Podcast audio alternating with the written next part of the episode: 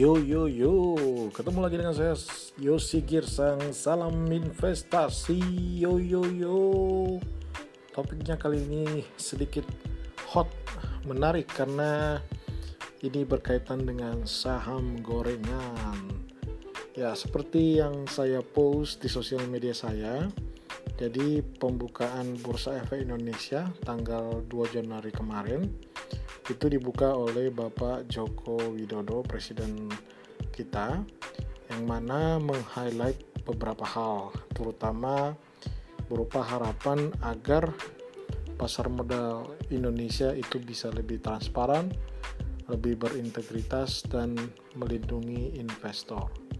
Kenapa hal ini disampaikan oleh Pak Jokowi? Karena memang sebelumnya Bu Sri Mulyani sebagai Menteri Keuangan juga sudah menyoroti banyaknya kasus saham gorengan di Bursa Efek Indonesia yang sangat disesali bahkan menyangkut ke satu perusahaan uh, asuransi yang selama ini sudah dipercaya oleh masyarakat yaitu Jiwasraya yang di mana ternyata portofolionya uh, terutama portofolio yang hubungannya dengan saham hanya 5% membeli saham yang LQ45 atau yang blue chip dan selebihnya itu membeli saham gorengan. Oke, mungkin yang teman-teman pendengar yang masih belum tahu apa itu saham gorengan, ya saham gorengan itu sudah namanya sendiri gorengan ya, analoginya gorengan ya.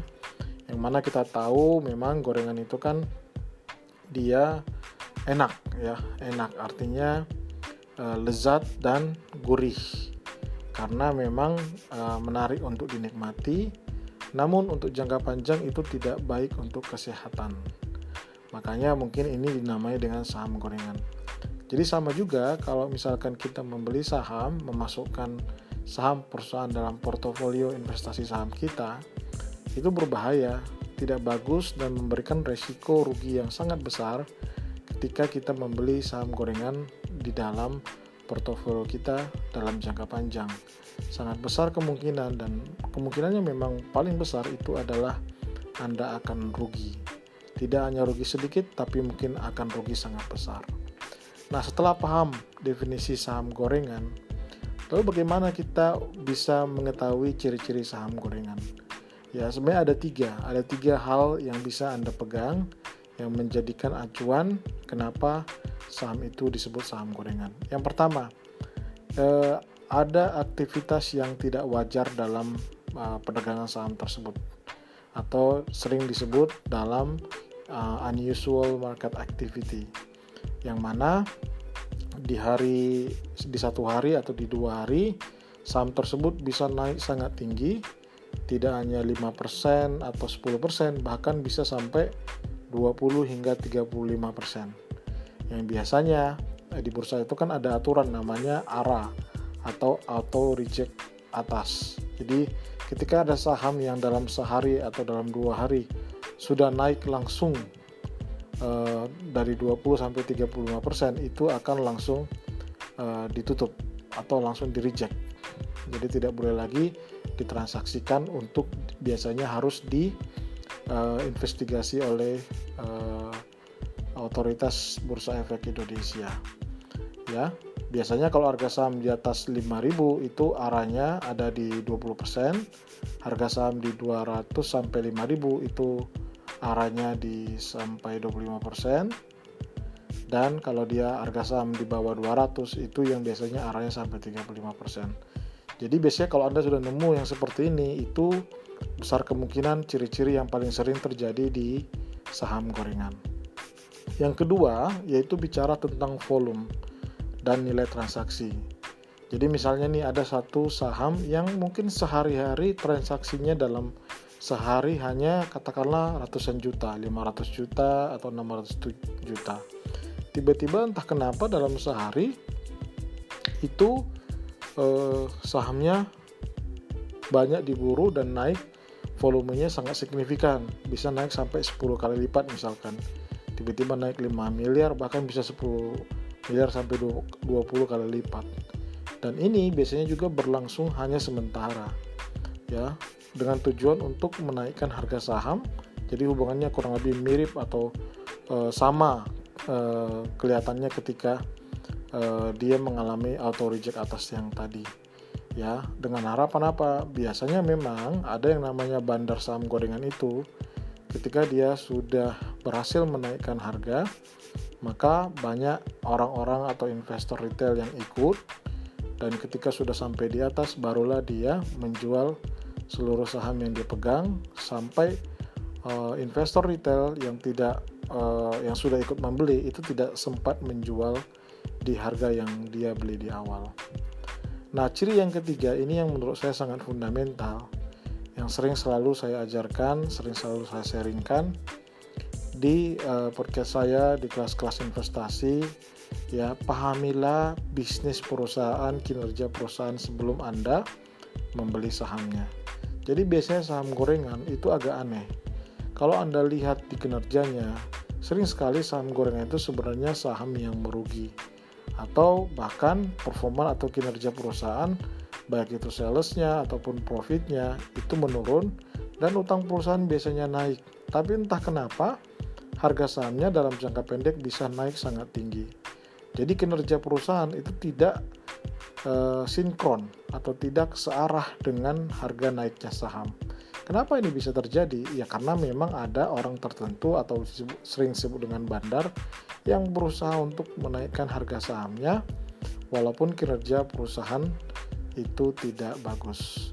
Dan saya selalu berusaha untuk menghindari membeli saham yang kurang bagus dalam uh, jangka panjang. Itulah kenapa di kelas-kelas ya di podcast saya selalu bilang cek fundamental perusahaan, cek kinerja perusahaan. Karena memang kalau kita invest dalam jangka panjang, kinerja perusahaan yang bagus pada akhirnya akan diikuti oleh harga sahamnya. Kenapa bisa begitu? Karena memang ketika perusahaan kinerjanya bagus, berarti kan dia mencetak uang atau mencetak profit. Yang mana profit ini tentu bisa dibagikan berupa dividen atau bisa juga dibagikan eh, apa? Bisa juga Eh, menjadi menarik buat investor besar atau investor untuk memiliki saham ini. Karena mereka memiliki proyeksi atau prediksi ke depan atau estimasi ke depan bahwa saham ini dan perusahaan ini semakin lama ekuitasnya akan semakin besar dan untungnya juga akan semakin tinggi sehingga harganya pun akan ikut naik. Lalu pertanyaan sekarang bagaimana kalau misalkan di dalam portofolio Anda sudah ada saham gorengan yang mengikuti ketiga ciri-ciri tadi. Uh, tidak ada hal yang bisa saya lakukan. Yang pertama tentu Anda harus cek dulu kinerja perusahaan. Kalau sudah jelas-jelas perusahaan itu merugi, menurut saya jangan menyimpan saham tersebut dalam jangka panjang. Sudah kita harus memberanikan diri untuk melepas saham itu, kita harus legowo. Karena apa?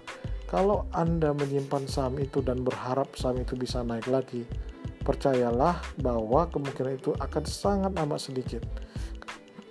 Karena apa? Karena biasanya dalam jangka panjang sudah banyak uh, histori dan uh, studi saham saham-saham gorengan itu justru akan turun bahkan sangat signifikan sampai ke level 50 ke level yang paling rendah di harga saham yang ada di Bursa Efek Indonesia. Jadi jangan pernah menyimpan saham gorengan dalam jangka panjang atau dalam portofolio Anda. Nah, sekarang kalau ada yang masih tetap pengen ikut-ikutan ya dalam tanda kutip gambling. Ya, saran saya kalau mau gambling mending sekalian ke kasino. Jangan di, di pasar saham ya kan? Karena benar-benar itu bicara luck. Tapi pun ya, tapi pun kalau Anda benar-benar pengen, saran saya jangan beli saham gorengan dengan dana yang Anda peroleh dari gaji Anda. Simpelnya begini, kalau misalkan Anda sudah merasa dalam bertahun-tahun Anda berinvestasi dan Anda sudah memperoleh keuntungan, katakanlah Anda keuntungannya sudah memperoleh 100 juta gitu ya, dalam sekian tahun Anda berinvestasi di pasar saham. Nah, gunakanlah uang yang hasil dari keuntungan ini untuk mencoba-coba ya. Jadi jangan sampai Anda gajian hari ini kemudian itu Anda gunakan untuk beli saham gorengan. Tapi di balik itu semua saya sangat menyarankan janganlah atau hindarilah membeli saham gorengan. Ya, ciri-cirinya sudah ada saya jelaskan tiga tadi. Yang pertama dia harganya naik dalam sehari sangat tinggi bisa 20 sampai 35%. Yang kedua volumenya juga tiba-tiba bisa naik berkali-kali lipat dibandingkan hariannya yang normal. Yang ketiga, memang biasanya kinerja perusahaan kalau kita lihat di laporan keuangan itu uh, buruk atau bahkan memburuk. Itu dulu sharing saya di topik yang hot saat ini. Semoga bermanfaat. Salam investasi.